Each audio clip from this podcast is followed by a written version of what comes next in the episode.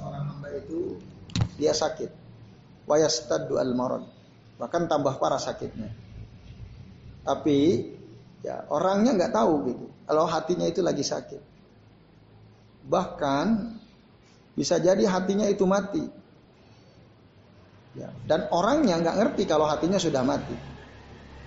Nah, oleh karenanya kita penting mengetahui bahwa hati yang sakit dan mati itu ada tandanya.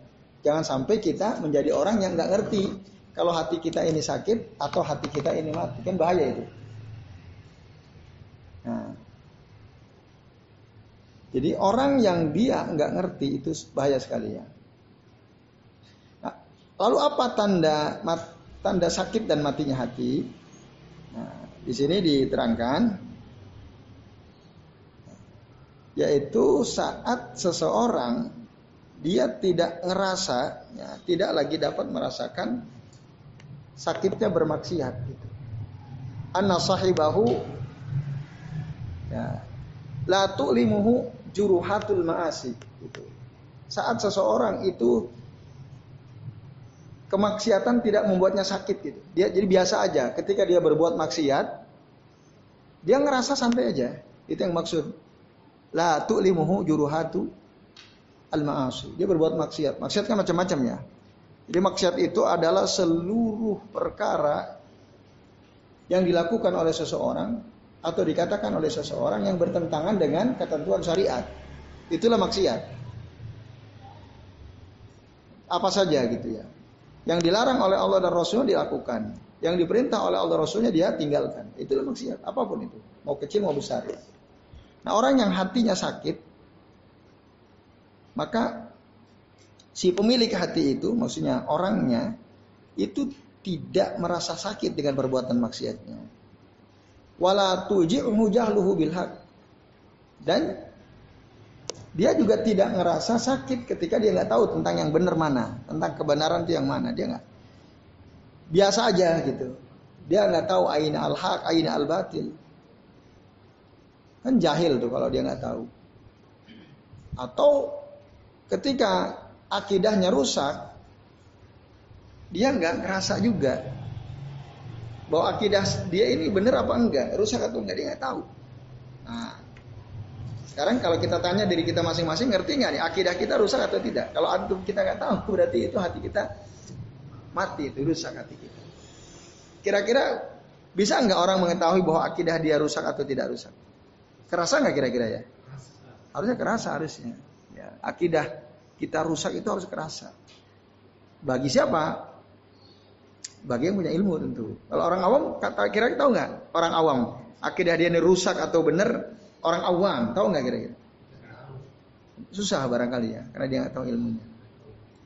Nah, nanti kaidah akidah itu kan kaitan dengan keyakinan, dengan keimanan, dengan tauhid ya. Nah, itu. Walaupun barangkali ada ya sebagian awam dia ngerasa lah kok saya misalnya ketika hidup saya susah kok malah larinya ke mana-mana gitu tidak ke Allah mungkin mungkin bisa saja dia. Nah, tapi kalau dia ngerasa berarti kan agak sehat tuh. Kalau dia ngerasa kok saya nggak lari ke Allah kan, berarti ngerasa dia akidahnya nggak benar. Nah, maka bapak-bapak dan ibu sekalian, Fa uh, fa inna al qalba idza kana hayyan ta'allama bi wurudil qabaihi alaihi. Waalaikumsalam. Nah, sedangkan hati yang ya hidup yang hidup itu kalau dia hati itu hidup dia akan merasa tersakiti ya ketika ada hal-hal buruk ya biwurudi al qabaih alaihi. Nah, Gitu ya. Dia merasa tersiksa ketika dia melakukan hal-hal yang buruk. Sekaligus dia merasa tersakiti bijalihi bilhaq. Ya, bihas bihayatihi tentu saja. Dia akan ngerasa sakit jika dia nggak tahu, aduh kok saya nggak tahu ya ini, nggak tahu yang benar seperti apa, dia merasa sakit, gitu. sakit hatinya gitu. So, kok saya nggak tahu ya masalah seperti ini. Nah maka semakin hidup hatinya, semakin tersakiti dia, merasa sakit hatinya. ketika dia bodoh gitu, bodoh tidak tahu yang hak.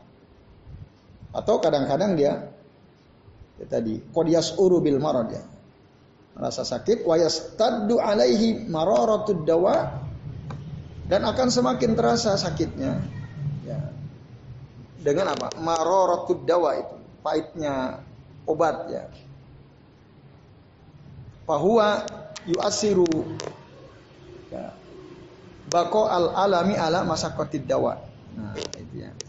Maka dia dikatakan yuasir ya, terpengaruh oleh bako al alam tetapnya rasa sakit ada ya alam masakotid dawa karena susahnya ya penawar atau obat itu ya.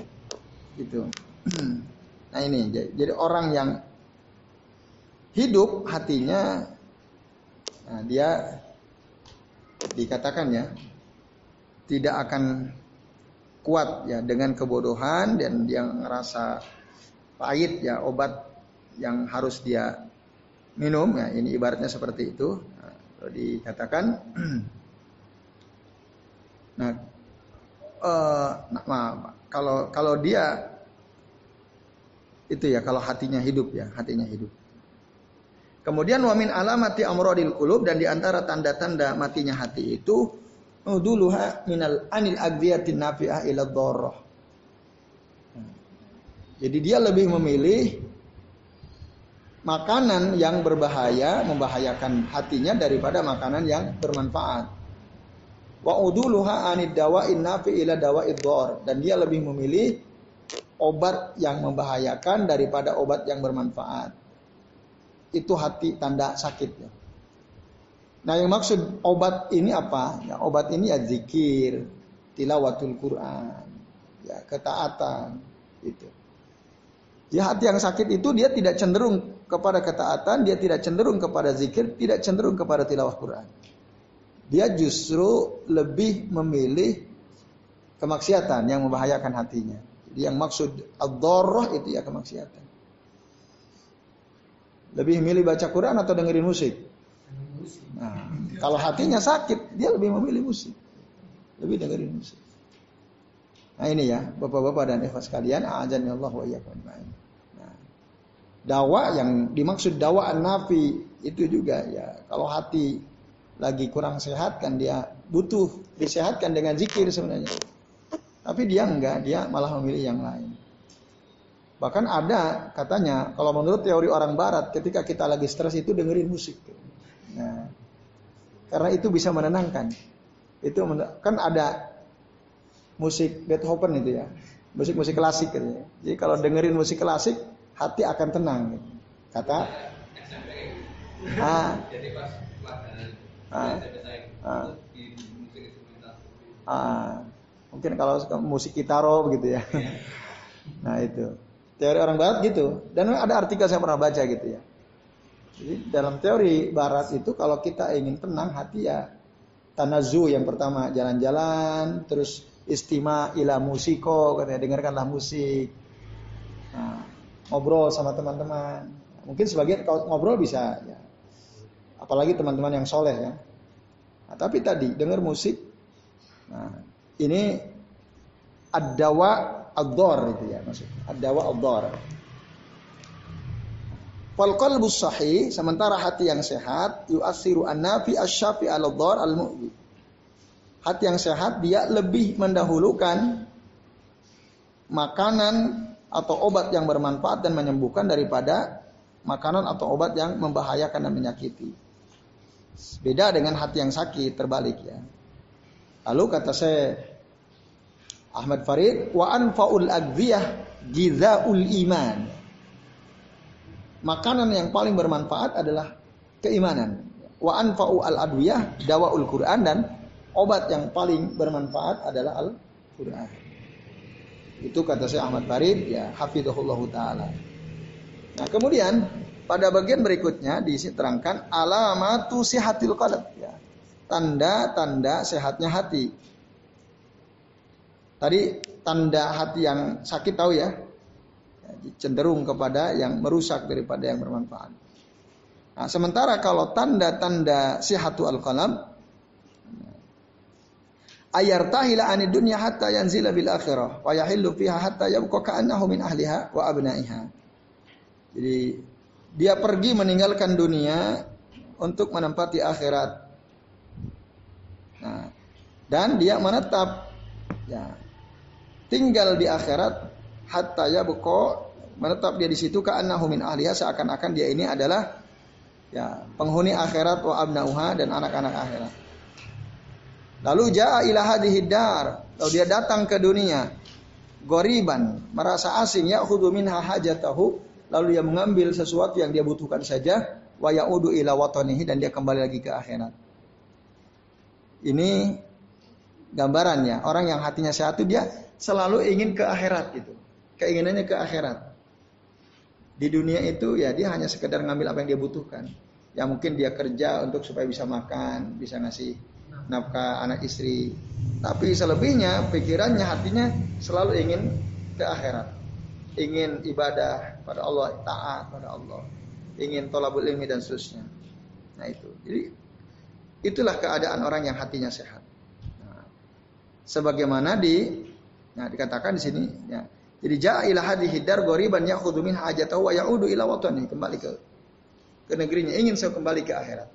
Sebagaimana terangkan oleh Nabi dalam hadis riwayat Abdullah bin Umar radhiyallahu anhu ya, kata Nabi apa kun fid dunya ka'annaka gharibun aw aw abirus sabil. Ya. Kul kun fid dunya ka'annaka gharibun aw abirus sabilin. Jadilah engkau di dunia ini seakan-akan ya, engkau ini orang asing gitu. Au abiru sabil atau orang yang sebagian ulama mengartikan abiru sabil itu seperti seakan-akan engkau sebagai musafir, mengatakan musafir, mengatakan abiru sabil orang yang nyebrang jalan. Kalau orang lagi nyebrang jalan, jalannya rame. Kira-kira gimana tuh jalannya? Asal loncat, lari atau kira-kira hati-hati, pelan-pelan. Nah, maksudnya hati-hati. Begitulah kita hidup di dunia. Hati-hati, seakan-akan kita ini orang asing. Sama orang asing juga kan kalau kita pergi ke satu kampung, ya, ke satu wilayah, nggak ada orang yang kita kenal di kampung itu. Kira-kira gimana? Ngomong kita gimana? Pasti hati-hati kan? Ngomongnya hati-hati, perbuatannya hati, hati-hati. Nah itu, begitulah kata Nabi seharusnya kita hidup di dunia seperti itu. Seperti saat kita seperti orang asing atau orang yang musafir atau yang berjalan. Hadis akhrajahu al-Bukhari. Nah, lalu setiap kali hati itu menjadi sakit, dia akan selalu lebih mendahulukan dunia kullama ya maridul qalbu asaro ad-dunya istau istautana istautinaha hatta yasiru min ahli. Dia menetap di dunia sampai dia itu ya betul-betul menjadi penghuni dunia yang tidak ingat akhirat. Itu kalau hatinya sakit. Kalau hatinya baik apa tadi? Dia selalu ingin kembali ke, akhirat. Itu tanda hati seseorang sehat. Ya, contoh lebih konkretnya lagi misalnya dari masjid sholat pulang ke rumah selalu ingin kembali ke ke masjid. Gitu ya. Di jalan diem lupa dia zikir, oh dia ingat ya Allah saya tidak zikir, langsung dia zikir. Gitu.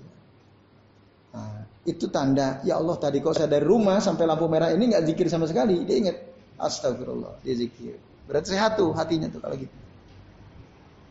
Nah, dan di antara tanda-tanda kesehat sehatnya hati juga adalah annahu la yazalu yadribu ala sahibi hatta ya, yuniba ilallah.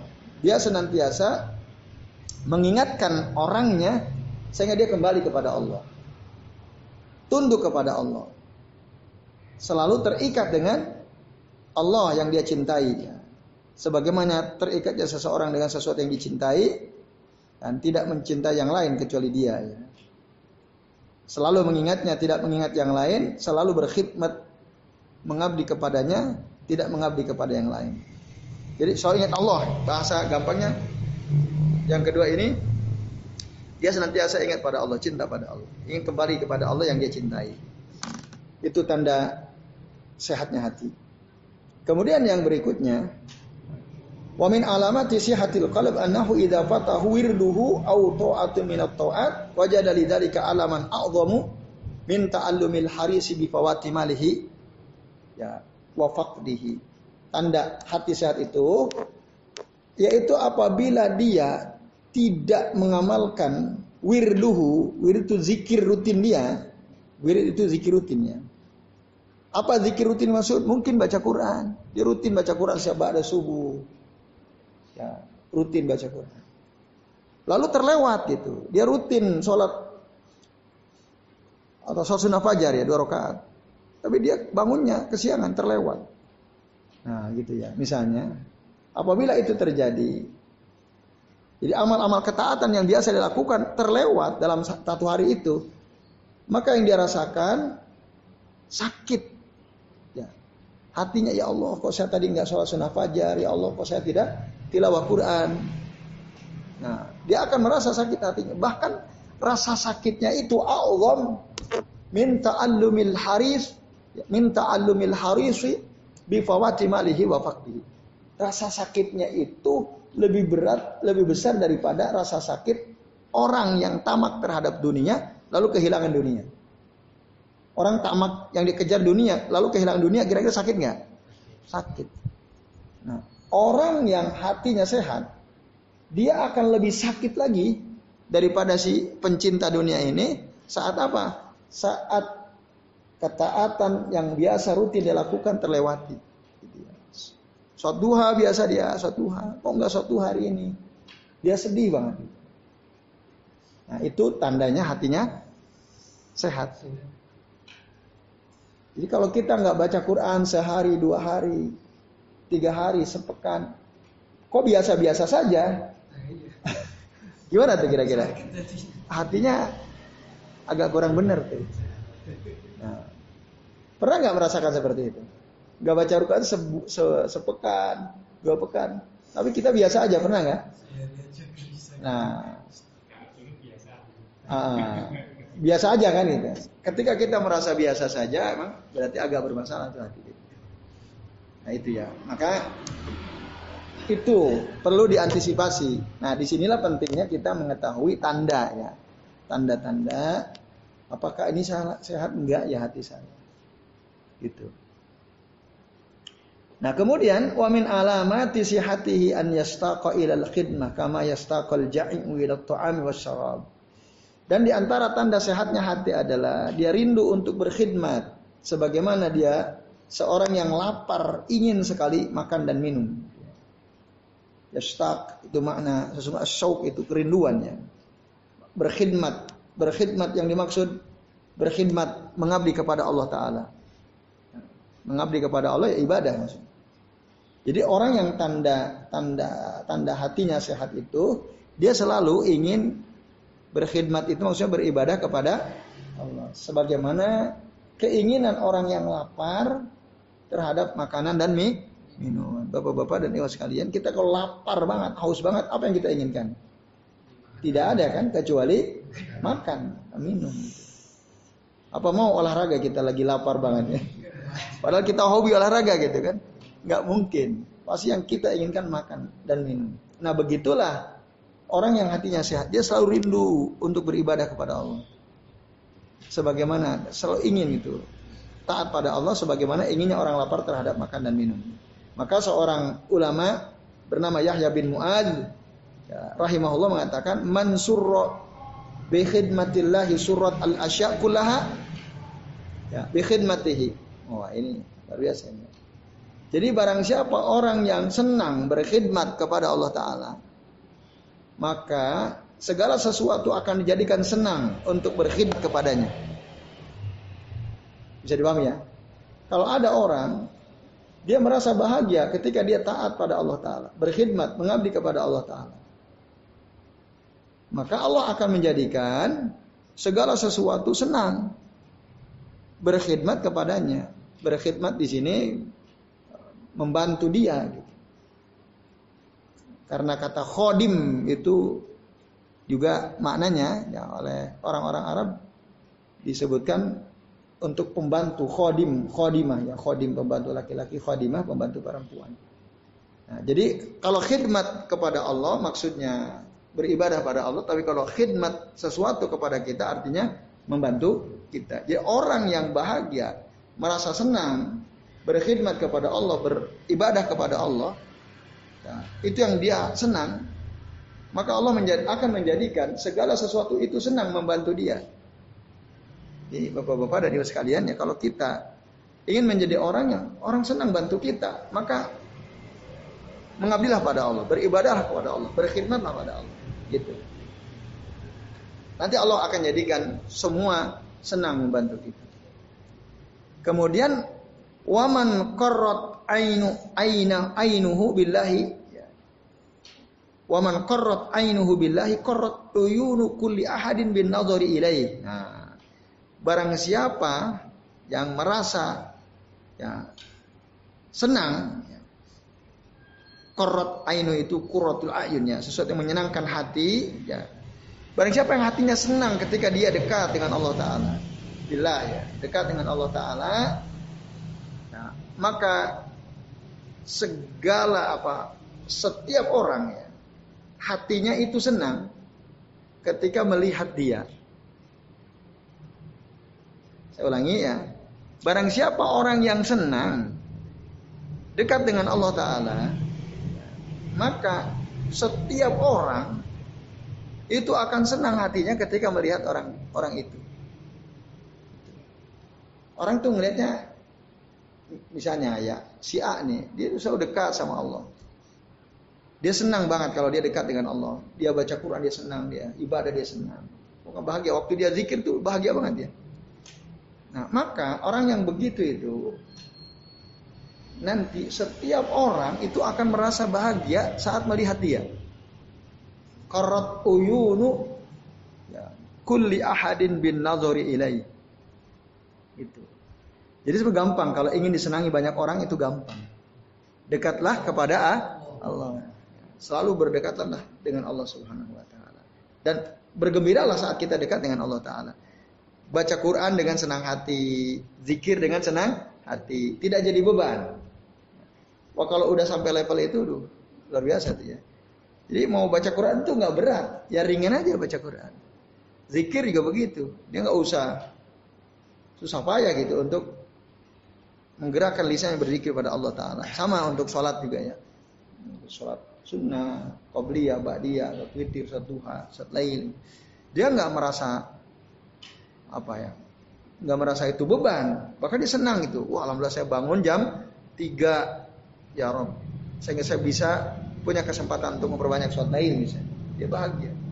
Tapi kalau aduh masih jam 3 masih lama lah tidur lagi. Bunyi alarm yang sempat. Wah lumayan masih jam lagi. Berat gitu rasanya hati ini untuk bangun, ambil air wudhu, lalu sholat. Ah berat, nanti aja lah bangunnya pas adzan gitu ya. Nah, nah itu taswib betul. Nah ini berarti nggak sehat tuh kalau gitu. Orang yang hatinya sehat, dia akan bahagia ketika ada kesempatan untuk berdekat-dekat dengan Allah Taala. Kemudian wamin alamati sihati an yakuna hamuhu wahidan wa ayyakuna billahi yani fi taatillah. Orang yang hatinya sehat, keinginannya cuma satu. Harapannya cuma satu. Apa itu? Ya harapannya dia dia selalu ingin ya taat kepada Allah taala. An yakuna fillah. Maksudnya yakni fi taatillah. Dia ingin senantiasa dalam ketaatan kepada Allah Ta'ala. Ke mana pun dia gerak, selalu ingin dalam keadaan taat kepada Allah Ta'ala. Kayak gini ini gak mudah, gak gampang. Makanya perlu berdoa itu. Setiap kali kita gerak, kita ingin selalu dalam taat kepada Allah Ta'ala. Nah, makanya itu doa yang diajarkan Nabi saat kita mau safar itu kan penting banget tuh. Allahumma inna nas'aluka fi safarina hadza al birra wat taqwa wa minal amali matarado. Nah, itu kan itu aja. Ya Allah sesungguhnya aku memohon kepada engkau fi safarina hadza dalam perjalananku ini al birra wat taqwa. Kebaikan dan ketakwaan. Wa minal amali. Dan dari amalan yang engkau ridhoi. Nah, setiap kali kita mau keluar gitu. Nah maka kalau orang berusaha terus berdoa dengan doa yang diajarkan Nabi ini, Nah, dia akan harapannya satu, pokoknya dia senantiasa taat pada Allah dalam ketakwaan, dalam amalan-amalan yang diridhoi oleh Allah Subhanahu wa taala. Maka perlu tuh ikhwas kalian ya, dihafalin tuh doa itu. Allahumma inni kalau saya ya untuk sendiri gitu. Allahumma inni as'aluka fi safari hadza al birra wat taqwa wa minal amali ma tardo. Bisa nggak tuh? Hafal nggak maksud saya? Belum. Belum ya? ya hafalin tuh, hafalin tuh. Allah coba Allahumma inni as'aluka fi safari hada al birra wat taqwa wa minal amali ma tarda coba Allahumma inni as'aluka fi safari hada al birra wat taqwa wa minal amali ma tarda tiga tuh ya. Ya Allah aku memohon dalam perjalananku ini tiga yang kita minta. Ya. Al birra wat taqwa kebaikan dan ketakwaan wa minal amali ma tarudha minal amali ma tarudha dari amalan yang engkau ridhoi ya Allah. Itu minimal sampai situlah walaupun ada lanjutan sebenarnya. Allahumma hawin alaina safarana hadha. Allahumma hawin alayya safari hadha. Wa atwi anna bu'dahu. Allahumma anta sahibu fi safar wal khalifatu fil ahli. Ya itu yang pertengahan. Mau dituntaskan? Allahumma inni a'udzubika min wa'sa'is safar wa ka'abatil manzur wa su'il munqalabi fil mali wal ahli.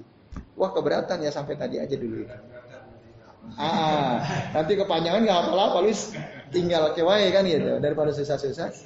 Ah, kesuwenan. Itu dulu tiga tuh. Jadi apa yang diminta tadi?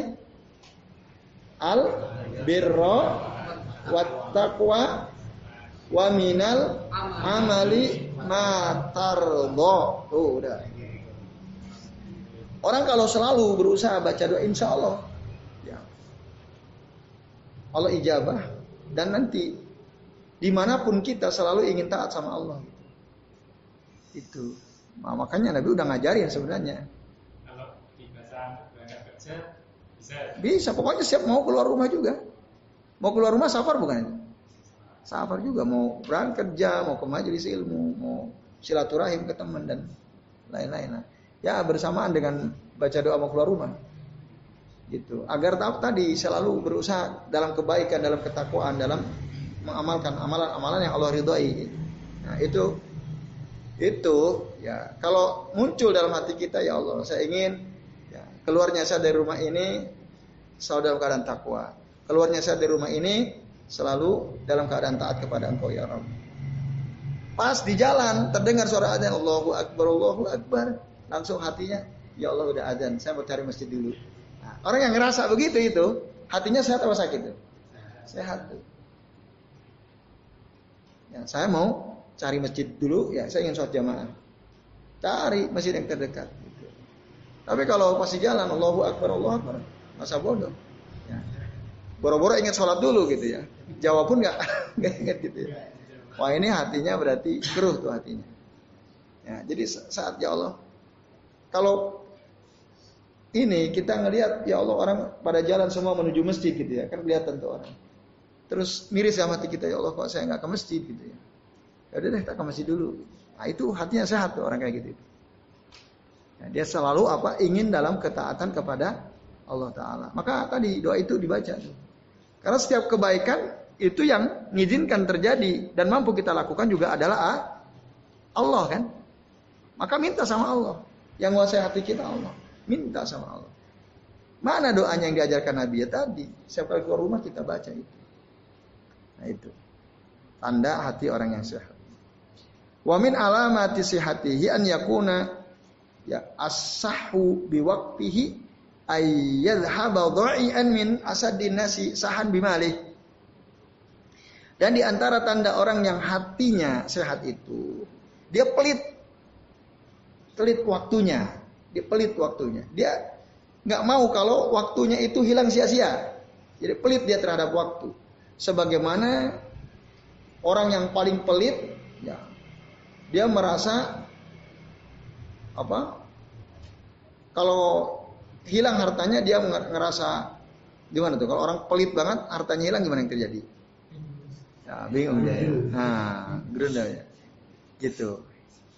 Jadi pelitnya seseorang terhadap hati, eh, terhadap waktu yang apabila dia hilang sia-sia, ya, kalau dia lebih pelit daripada orang yang pelit dari hartanya, ya, dia maksudnya pelit terhadap waktunya, jangan sampai waktu itu hilang sia-sia. Dia nggak mau waktunya hilang sia-sia. Nah, maksudnya apa hilang sia-sia itu? Waktunya tidak diisi oleh hal-hal yang bermanfaat, waktunya tidak diisi dengan ketaatan kepada Allah Taala. Dia nggak mau tuh, pelit banget dia terhadap buang-buang waktu. Nah, maka ini tanda bahwa dia hatinya se sehat. Kemudian wamin alamati sihatihi ayyakuna idza dakhala fi shalah dhahaba anhu hammuhu wa ghamuhu bidunya. Dan di antara hati yang sehat itu adalah ketika dia masuk dalam sholat, dia sholat gitu ya. Maka hilanglah semua harapan dia, hilanglah semua kesedihan dia terhadap dunia. Ya. Jadi waktu dia sholat ketemu Allah Subhanahu Wa Taala, udah dia nggak lagi berharap kepada dunia. Bahkan dia tidak sedih ya jika ada sesuatu yang hilang dari dunianya. Dia nggak sedih. Karena dia merasa tenang. Ada di hadapan Allah Ta'ala dia. Sholat di hadapan Allah Subhanahu Wa Ta'ala. Wa wajada fiha rohatuhu wa na'imuhu. Bahkan dia ngerasa nyaman sekali gitu dalam sholat itu. Ya, rohah dia merasa istirahat, merasa nyaman. Dan dia merasa nikmat sekali dalam sholat. Senang dia. Kurat ainuhu wa sururu qalbuhu sururu qalbihi. Hatinya senang waktu dia sholat. Nah itu juga tanda hati sedang sehat. Kemudian apalagi? Wa min alamati sihatihi alla yaftaro an dzikri rabbih wa la yas'ama min khidmatihi wa la ya'nasa bi ghairihi illa biman yadulluhu alaihi wa yudzakiruhu. Tanda orang hati yang sehat, dia tidak pernah lelah untuk berzikir kepada Allah Ta'ala tidak pernah bosan untuk bertaat pada Allah Taala dan dia juga tidak pernah ya bersikap manis kecuali kepada orang-orang yang menunjukkan dia kepada jalan yang benar atau mengingatkan dia akan Allah Subhanahu wa taala. Ya. Itu baru dia bersikap manis ya kepada mereka orang-orang soleh, orang-orang yang baik gitu ya. Nah, itu tanda bahwa hatinya sehat. Dia nggak pernah capek, subhanallah, subhanallah. Allahu akbar, Allah akbar. Baca Quran nggak capek. Dia nggak bosen untuk taat pada Allah Taala. Dari satu ketaatan pindah ke ketaatan yang lain. Dari zikir ba'da sholat pindah kiro Al-Quran. Dari kiro Al-Quran pindah bantu orang dan seterusnya. Dia selalu diisi dengan kebaikan-kebaikan, ketaatan-ketaatan. Itu tanda hati dia sehat kalau dia nggak pernah lelah untuk berbuat baik. Wa minha ayyakuna ihtimamuhu bitasihil amali a'dhaminal minhu bil amal. Nah ini. Dan di antara tanda sehatnya hati itu adalah perhatian dia untuk memperbaiki amalan itu lebih besar daripada untuk beramal itu sendiri. Saya ulangi ya. Di antara sehatnya, tanda sehatnya hati adalah ya, perhatian dia untuk memperbaiki amalan itu lebih besar daripada untuk beramal itu sendiri. Kata saya Ahmad Farid, hafizahullah taala. Artinya apa? Dia saya ingin ya Allah ini amal saya baik enggak itu. Dia terus telusuri ini saya ikhlas atau tidak, sesuai sunnah atau tidak. Saya ngamalkan ini ya Allah, ini ada tuntunannya atau tidak. Gitu. Itu namanya tashihul amal. Tashihul amal. Dia perhatikan betul gitu. Tapi orang yang ah yang penting beramal soal sesuai sunnah atau tidak nggak penting. Itu misalnya. Ikhlas atau tidak nggak penting. Yang penting saya ber, beramal. Nih orang ini hatinya sakit. Kalau hati sehat enggak. Dia selalu bertanya-tanya ini sesuai tuntunan Nabi atau tidak. Saya ikhlas atau tidak nih dalam amalan saya ini. Itu yang dia perhatikan betul. Bukan itu lebih besar maksudnya perhatiannya terhadap apa memperbaiki amal itu lebih besar daripada untuk beramal itu sendiri. Sampai ketika dia ngerasa ini amalnya dia sudah usahakan ikhlas, ittiba Rasul, lalu ditambah lagi amal, ditambah lagi amal. Tapi itu dulu ditasfih dulu, perbaiki dulu amalnya. Nah, maka rusu alal ikhlasi fihi wan nasihati wal mutaba'ah wal ihsan. Nah, dia ingin sekali dalam amalnya itu supaya bisa ikhlas. Ya, bisa murni, bisa mutaba'ah. Tiba Rasul maksudnya bisa ihsan. Ihsan itu ya sungguh-sungguh karena taro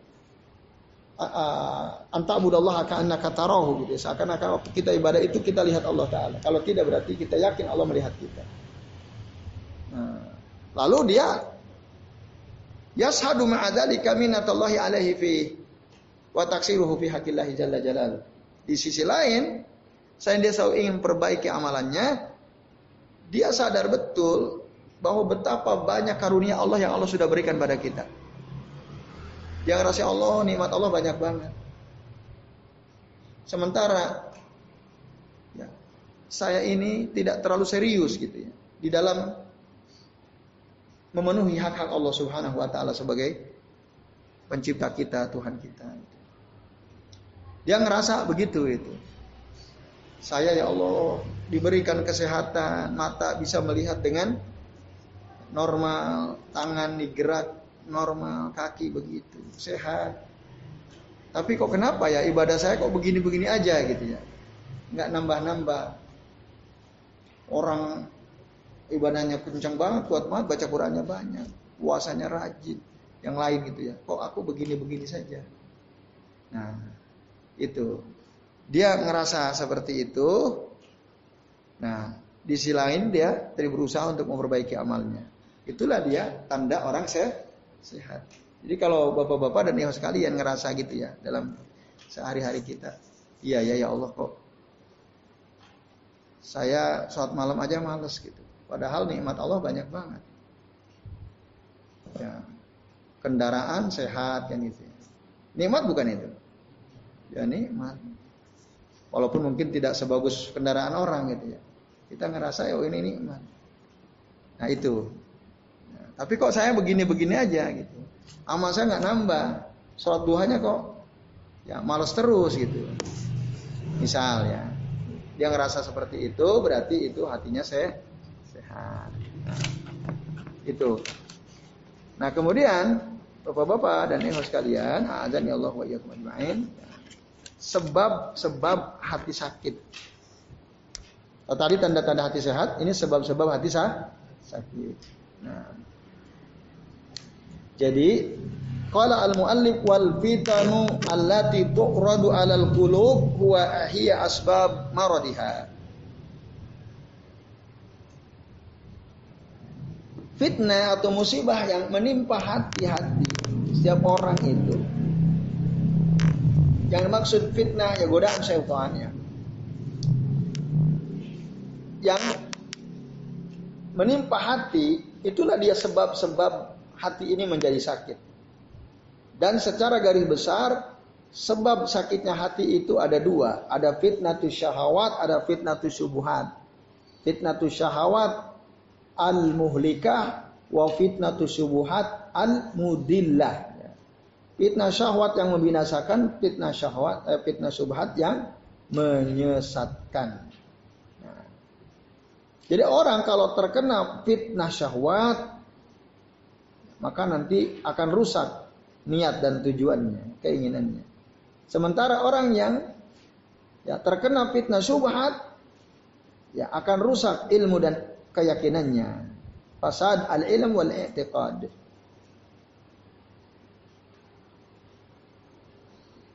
Jadi fitnah syahwat nah, itu bisa merusak, fitnah syubhat bisa menyesatkan. Nah, Gitu ya. Sawat itu selalu ingin hawa nafsu lah. Setiap orang kan gitu ya. Jangan-jangan kita pun begitu. Ya kan? Merasa nggak kalau kadang-kadang kita di, disetir oleh hawa nafsu kita, selalu ingin ngikutin hawa nafsu kita. Pernah nggak ngerasa seperti itu? Setiap hari ya, setiap hari. Nah, inginnya ngikutin syahwat. Ya tadi, ketika nggak ada kegiatan, ya harusnya kita gunakan untuk baca Quran, mungkin zikir atau ibadah sholat atau mungkin baca kita begitu ya. Tapi sahabat bilang istirahat wae ya misalnya. isturu wae tidur gitu ya. Enakan tidur. Nah, misalnya, akhirnya kita lebih memilih tidur daripada memanfaatkan waktu untuk yang bermanfaat kecuali barangkali kalau malamnya ronda ngantuk banget ya tidur ya. Tuh, ya harus tidur karena kalau nggak tidur ya capek juga. Nah, itu contoh kecil fitnah syahwat. Nah, fitnah subuhat nah itu dia ya terkena fitnah ya kejahilan ya. Fitnah syubhat itu jadi semua samar yang baik nggak jelas yang buruk tidak jelas. Ya fitnah syubhat ini muncul pada orang yang jauh dari ilmu.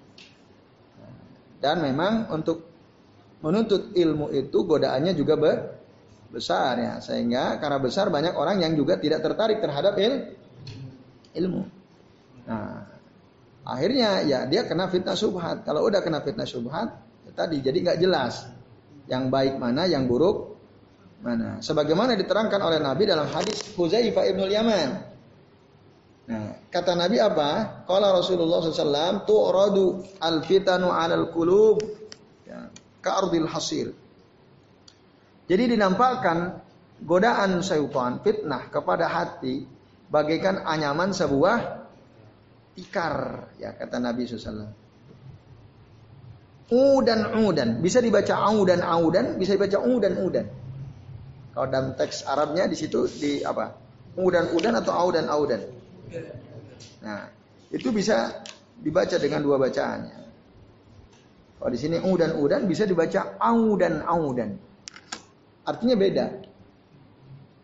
Nah, udan udan dengan audan audan. Kalau udan udan apa di situ? Sehelai demi sehelai. Kata ud, kata ud itu sendiri artinya lasiko, yalsiku ya, nempel gitu. Coba kita perhatikan anyaman tikar itu kan rapat kan? Ya. Jadi sehelai demi sehelai rapat sekali. Artinya hampir tidak ada jeda. Godaan syaitan kepada kepada kita itu betul terus. Kalau ada terus kalau ada.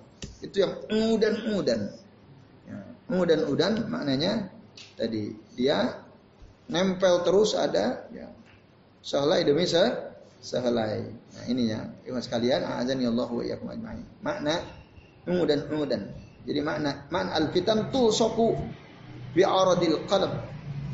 Au bi janibi hakama yawsaful hasiru bi janibi nah, di sini sebagaimana tikar nempel di bijan bijam binaim gitu bijam binaim di bagian samping tubuh orang yang tidur kalau di keterangan yang lainnya.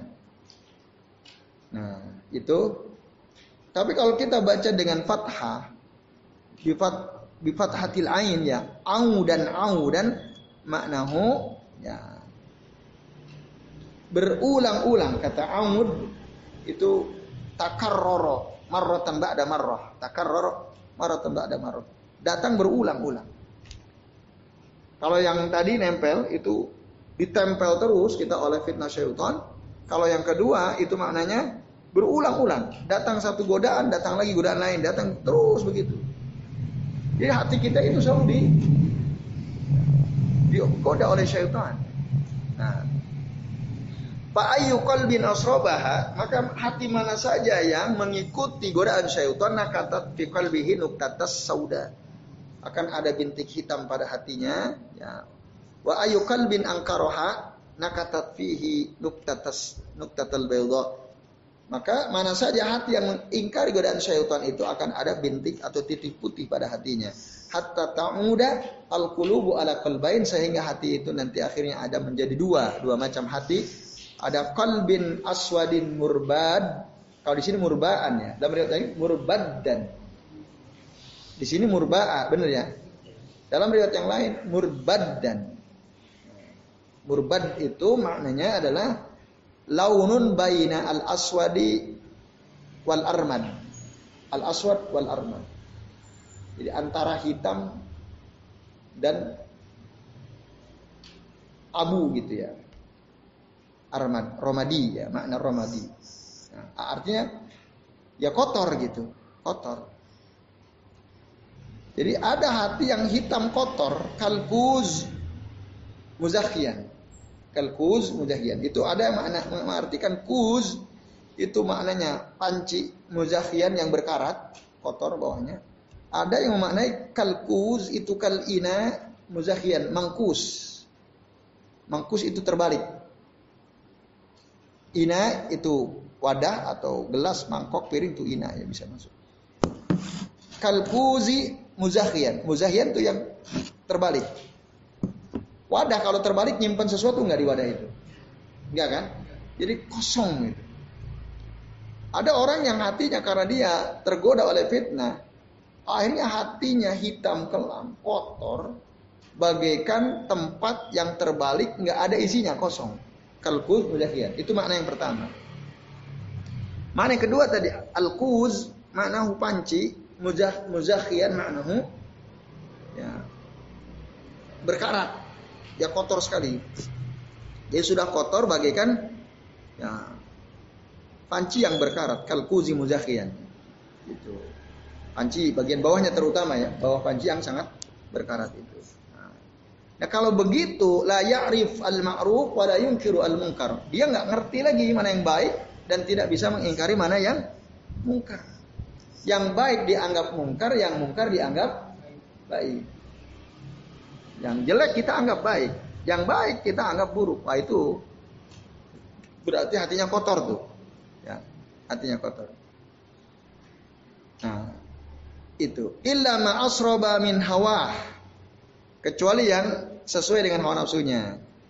Jadi kalau ada kemungkaran menurut hawa nafsunya benar ya dibenerin. Ya. Kalau ada sesuatu yang ma'ruf yang sesuai hawa nafsunya maka dia bilang ma'ruf gitu ya pokoknya yang sesuai dengan hawa nafsu aja. Yang mengendalikan hawanya hawa nafsunya. Itu orang yang hatinya ada kotor. Sementara yang satu lagi wakal bin abiyad la tadurruhu fitnatu fitnatun madamati samawat wal ya, ada hati yang putih.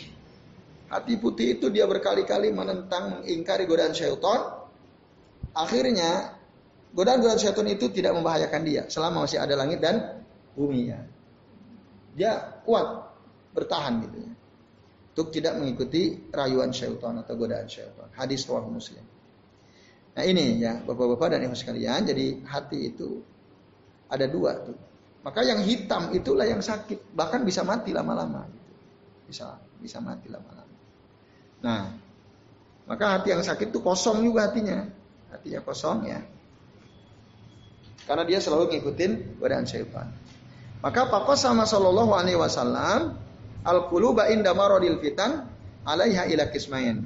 Berdasarkan hadis di atas Rasul membagi hati itu ada dua bagian.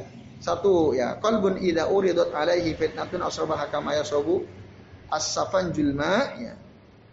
Panukitat fihi nuktata sauda ya itu. Tadi yang terangkan dalam hadis ya. Ini ada dua kata Nabi ada hati yang gampang terkena fitnah yaitu ibarat bunga karang yang disiram selalu menelan air gitu ya. Maka ada hitam bintik dalam hatinya. Nah akhirnya hitam dan terbalik. So terbalik. Nah ini kalkud muzahian. Ma'nahu makbutan mangkusa. Ya terbalik. Jadi nggak bisa mencapai apa-apa ya. Itu. Dan hati kalau sudah hitam, udah terbalik.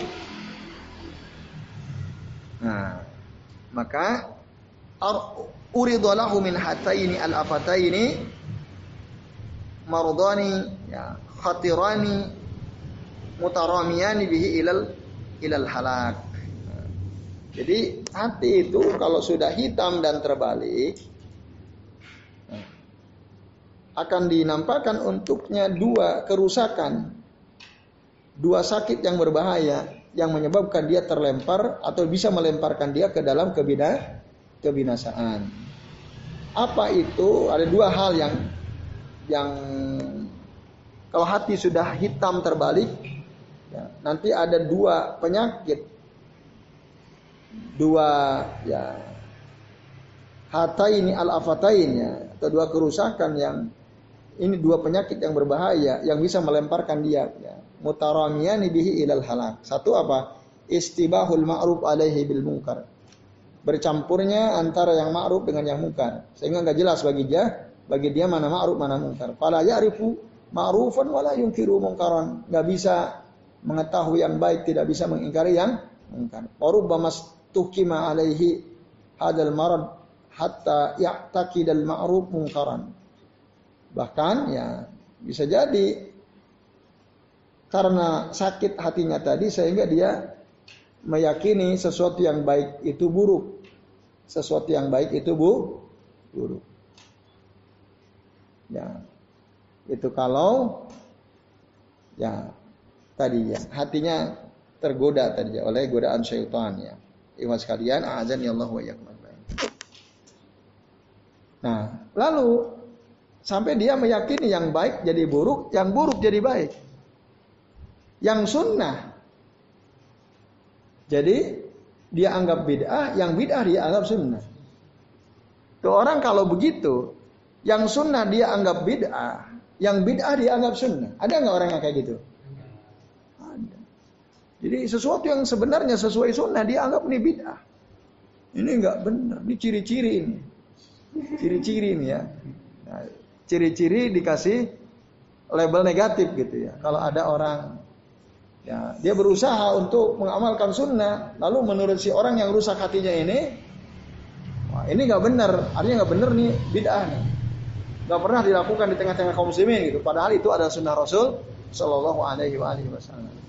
Gitu ya, ibu sekalian, azan ya Allah wa Jadi yang sunnah dianggap bid'ah, aneh, aneh dianggap aneh gitu. Nah, jadi kalau ada orang berjenggot dianggap ah aneh. Kayak Mas Fahmi gitu, ini orang aneh ini orang gitu.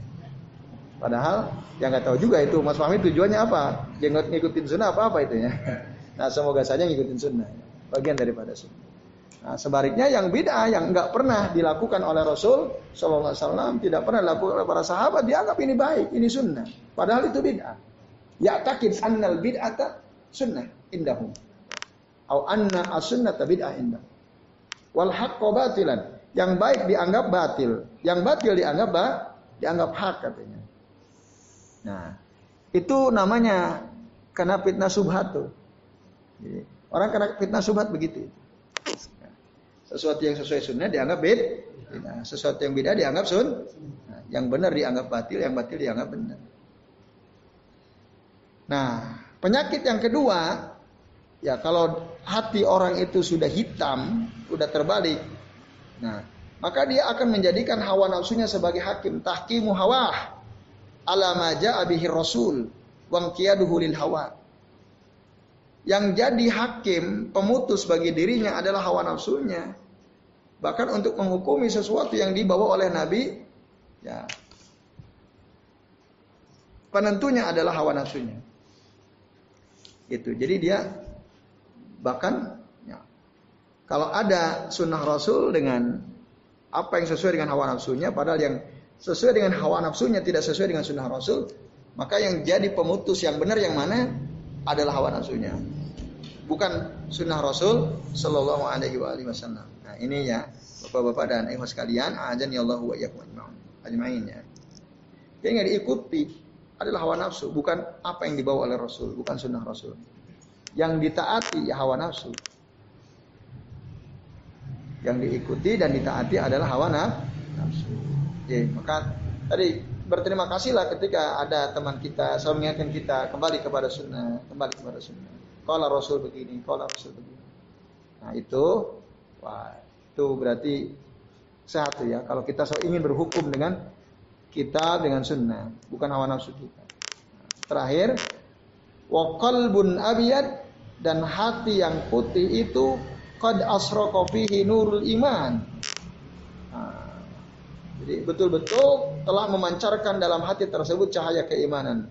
Wa azhara fihi misbahahu dan menjadikan lampunya itu terang, indah. Kalau hati seseorang putih. Fa idza uridat alaihi fitnah angkaraha wa raddaha. Jadi kalau ditunjukkan di apa nampakkan kepada hatinya hati yang putih ini fitnah godaan dia secara tegas akan mengingkari dan menolaknya angkaraha wa raddaha fazdada nuruhu wa israquhu maka bertambahlah cahayanya, sinarnya. Ya. Orang yang hatinya putih gitu. Dia semakin terang, semakin bertambah cahaya hatinya dengan cahaya keimanan. Nah, baik ikhlas kalian, bapak-bapak dan teman-teman sekalian, saya kira ini dulu ya. Jadi sampai halaman 33 ya. Ya, karena ini sudah jam 9.30 ya. Baik, ada kesempatan? Dua atau tiga pertanyaan jika ada yang mau bertanya kami silahkan. Singkat gitu ya supaya nanti jam 9 lewat 45 udah rampung. Ada 15 menit. Kalau ada yang mau bertanyakan silahkan. Ya silahkan. Nah, ada salah satu amalan yang sangat dianjurkan yaitu zikir pagi dan petang. Ya waktu yang dimaksud dan petang ya kemudian ada lagi uh, zikir yang dirangkum dalam Ah, maksudnya Hasan Albana. Ya. Apakah itu sesuai? Ya. Itu saja. Baik, terima kasih. Al-Maksurat ya. Saya jawab nomor dua dulu. Yang ditulis disusun oleh Hasan Albana ya. Semoga Allah merahmati dia. Itu banyak amalan-amalan zikir yang dalilnya tidak sahih. Gitu zikir dalam kitab Al-Maksurat ya, yang banyak dijual juga di di, di toko-toko buku ya, Al-Maksurat. Karya Hasan Albana. Nah, itu kan dia lebih banyak ini, apanya zikirnya itu. Dibanding kitab karya saya Said bin Wahab Al Ali bin Wahab Al-Qahtani itu yang atau yang ditulis oleh saya Abdul Aziz bin Bas misalnya. Itu lebih banyak.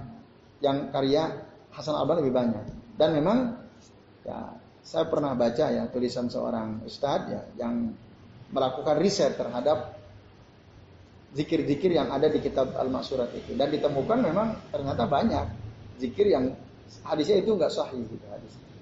Maka kalau kita ingin aman ya mengamalkan zikir pagi petang salah satu yang kita bisa baca dalam kitab Zikru Sobah wal Masa karya saya Sa'id bin Ali bin Wahab Al-Qahtani rahimahullah atau hafizahullah taala nampaknya masih hidup dia ya. Atau kitab Hisnul Muslim juga ada. Hisnul Muslim. Nanti ada azkarus soba, ada azkarul masa. Gitu. Dan saya kira udah banyak diterjemahkan. Antum cari di maaf saya sebut toko ya, bukan iklan, hanya memberitahu saja ya.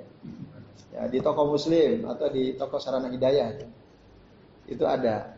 Antum cari, insya Allah di sana yang tersedia ya itu di antara yang paling banyak karya saya Sa'ad Sa'ad ya bin Ali bin Wahab Al-Qahtani tipis kita nih bahkan ada tambahan zikir ba'da sholat fardu juga itu. Udah jadi satu paket. Kalau ingin lengkap ya Hisnul Muslim. Itu bukan hanya zikir pagi petang yang lain-lain. Nah, itu satu. Jadi jangan ke kitab Al-Maksurat ya. Karena masih banyak hadis-hadis yang tidak sahih walaupun dia masur bahkan nampaknya Al-Maksurat lebih masur lebih awal masurnya di, di Indonesia lebih awal ya. Baru kemudian sekarang bergeser. Orang nggak pada tahu ada riset. Ya. Nah, sekarang yang banyak dicari zikru as-sobah wal masa. Lalu yang kedua, yang dimaksud sobah pagi dan sore itu petang itu kapan? Pagi itu ba'da subuh sebelum terbit matahari, sore itu ba'dal asar sebelum terbit eh sebelum tenggelam matahari. Itu diterangkan dalam surah Qaf ayat 31-an kira-kira. Yang Fasbir ana ma yakulun wasabi bihamdi rabbika qabla tulu'i syamsi wa qabla al-ghurub. Qabla tulu'i asy-syamsi wa qabla al-ghurub. Wasabi bihamdi rabbika. Bertasbihlah dengan memuji Tuhanmu. Kapan? Qabla tulu'i syams. Sebelum terbit matahari wa qabla al-ghurub dan sebelum tenggelam matahari hari. Jadi momentumnya itu yang paling afdol. Walaupun seandainya nggak sempat ya habis subuh, tidak sempat zikir pagi, tahu-tahu matahari udah terbit gitu ya. Karena habis subuh kita beraktivitas, lupa zikir. Ya Allah kok udah terbit ini. Udah jam 6, jam 6 udah terbit kan? Belum sempat. Sebagai boleh nggak masalah. Lanjut. Cuman yang paling paling afdol itu tadi sebelum terbit matahari. Kalau nggak bisa seluruhnya sebagian. Gitu. Kan dalilnya jelas. Wa idza amartukum bi amrin fa'tu minhu mastata'tum. Apabila aku perintahkan satu perintah, lakukanlah. Ya, semampu kah? Kita enggak mampu seluruh zikir, rangkaian zikir pagi dan petang, tidak mampu seluruhnya. Ya, sebagian. Eh maksud, tidak mampu pada waktunya yang paling utama, ya setelahnya. Jadi pada subuh sampai jam 6 kita nggak bisa karena ada apalah yang kita kerjakan ya misalnya. Ya udah, kerjakanlah setelah itu. Eh, itu pun nggak bisa karena ada aktivitas yang lain gitu ya.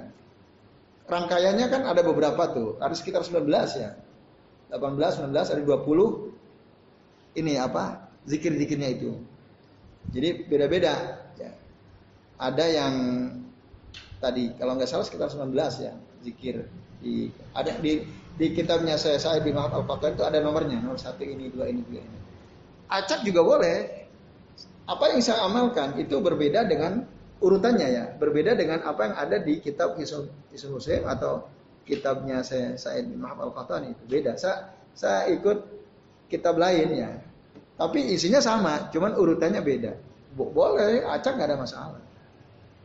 Kan kalau di Said bin Muhammad Al apa? Yang pertama apa? Zikir pertama. Ayat kursi, ah, terus al ikhlas tiga kali, al tiga kali, tiga kali. Terus itu apa? Ah, Allahumma bika asbahna wa bika amsayna wa bika nahya wa bika namut wa ilaika wa nusyur. Itu boleh kita rubah. Karena Rasul nggak nggak nerangin urutan, enggak. Sesuai dengan yang kita inilah yang kita biasa lakukan, kita nyaman melakukan nggak ada masalah. Yaitu katakan ada 19, kita nggak bisa 19, bisa cuma 5 toh nggak apa-apa. Misalnya saya cuma baca kursi satu kali, alisa tiga kali, alfa tiga kali, anas tiga kali. Tambah misalnya uh, Bismillahirrahmanirrahim alim misalnya. Atau hanya apa itu? Istig, Sayyidul istighbar misalnya Allahumma anta rabbi la ilaha illa anta khalaqtani dan seterusnya. Hanya itu. Mampunya itu nggak ada masalah. Intinya jangan sampai ditinggalkan kalau bisa. Gitu. Nanti lama-lama kan, oh ingin lengkap, ingin lengkap. Apa yang bisa sedikit itu dilakukan. Mala yudroku kulluhu la yudroku kulluhu kata para ulama. Apa yang kita tidak bisa melakukan seluruhnya, jangan ditinggalkan seluruhnya. Lakukan sebagian. Kan kadang orang ah saya nggak bisa, uh, udah tinggalin kan? Nggak sama sekali nggak ada zikir pagi, nggak ada zikir petang. Petang. Itu lakukan. Bahkan ada ulama mengatakan Seandainya kita nggak bisa tiap hari ya minimal seminggu sekali lah gitu ya. Zikir bagi petangnya. Gitu. Nah, jangan sampai waduh dalam sepekan nggak nggak pernah sama sekali. Itu. Nah, jadi kembali waktu yang paling afdal zikru as-sobah qabla tulu'il fajr wa zikru al-masa qabla guru bisyams. Itu Pak begitu. Allah a'lam Boleh. An, kalau antum sambil apa gitu ya. Sekali-sekali semua? Enggak, jadi sambungan di setelah kelas itu. Boleh, enggak ada masalah. Kan setelah asar. Ah, setelah ba'da asar. Ya kan Rasul kalau kita lihat hadis Rasul itu paling lama duduk zikir ya ba'da ba'da subuh sama ba'da asar itu. Karena setelah zikir rutin, sholat wajib langsung nyambung. Gitu. Dan Rasul baru berhenti zikir ketika terbit matahari. Itu ada riwayatnya. Cuman kan kalau saya sendiri kadang-kadang sering ngantuknya Allah saja hilang ke mana itu ulangi lagi jadi nggak selesai-selesai itu kadang-kadang ya. Nah itu. Tapi ada saat betul-betul awas gitu. Jadi kalau saya merasa kadang-kadang ini udah berapa kali ya dibaca lagi dibaca lagi. Apalagi yang yang seratus kali ya, subhanallah bihamdi kan seratus kali gitu. Gak apa-apa. Kalau emang kita mampunya, kan mas toto tuh. Nanti kalau udah rutin sekali-kali, oh ya kenapa sih nggak seratus kali? Kenapa sih nggak tiga kali kan gitu? Ah, ada. Terutama yang inilah ilaha illallah wahdahu la syarika lahu alhamdu wa huwa ala kulli syai'in qadir. Itu ada yang 10 ada 100. Coba bayangkan itu. Kalau belum terbiasa, tiba-tiba baca itu 100 kali, kemeng itu nggak jadi tuh. Biasa udah kapok itu, nggak mau lagi. Ah itu. Iya. Ya itu. Jadi gitu Pak Lukito dan Bapak-bapak dan ikhwan sekalian ya. Mala yudroku kulluhu la yudroku kulluhu. Apa yang kita tidak bisa lakukan seluruhnya, jangan ditinggalkan seluruh. Apa yang bisa aja. Allah Nah. Satu lagi masih ada? lima menit lagi. Kalau ada yang mau tanya. Sudah jelas ya? Ya, alhamdulillah. Ya baik, bapak-bapak dan ibu sekalian, itu ya semoga bermanfaat. Ya ini kita saling menasihati aja lah ya. Ya termasuk menasihati saya diri sendiri ini ya. Supaya gimana caranya bisa isi koma. Ya kadang-kadang ada kalanya syaiton buat kita males juga itu. Kayak pokoknya berat banget mau zikir gitu. Karena saya tuh nggak senang gitu kalau kita taat terus sama Allah. Nah, ya itu ya. Tadi minimal sekali-sekali, ya sekali-sekali. Ya saya kira ini terima kasih ya atas perhatian antum semua. Semoga apa yang kita bahas pada malam ini bermanfaat dan tentu saja saya mohon maaf apabila yang kami sampaikan ada kesalahan dan saya akhiri nanti tadi moderatornya ada nggak apa-apa ya ditutup ada moderator gitu ya. Iya. Saya akhiri ya Wassallallahu ala Muhammadin wa ala alihi wa sahbihi wa baraka wa sallama alaihim ajmain. Billahi taufiq wal hidayah. Wassalamualaikum warahmatullahi wabarakatuh.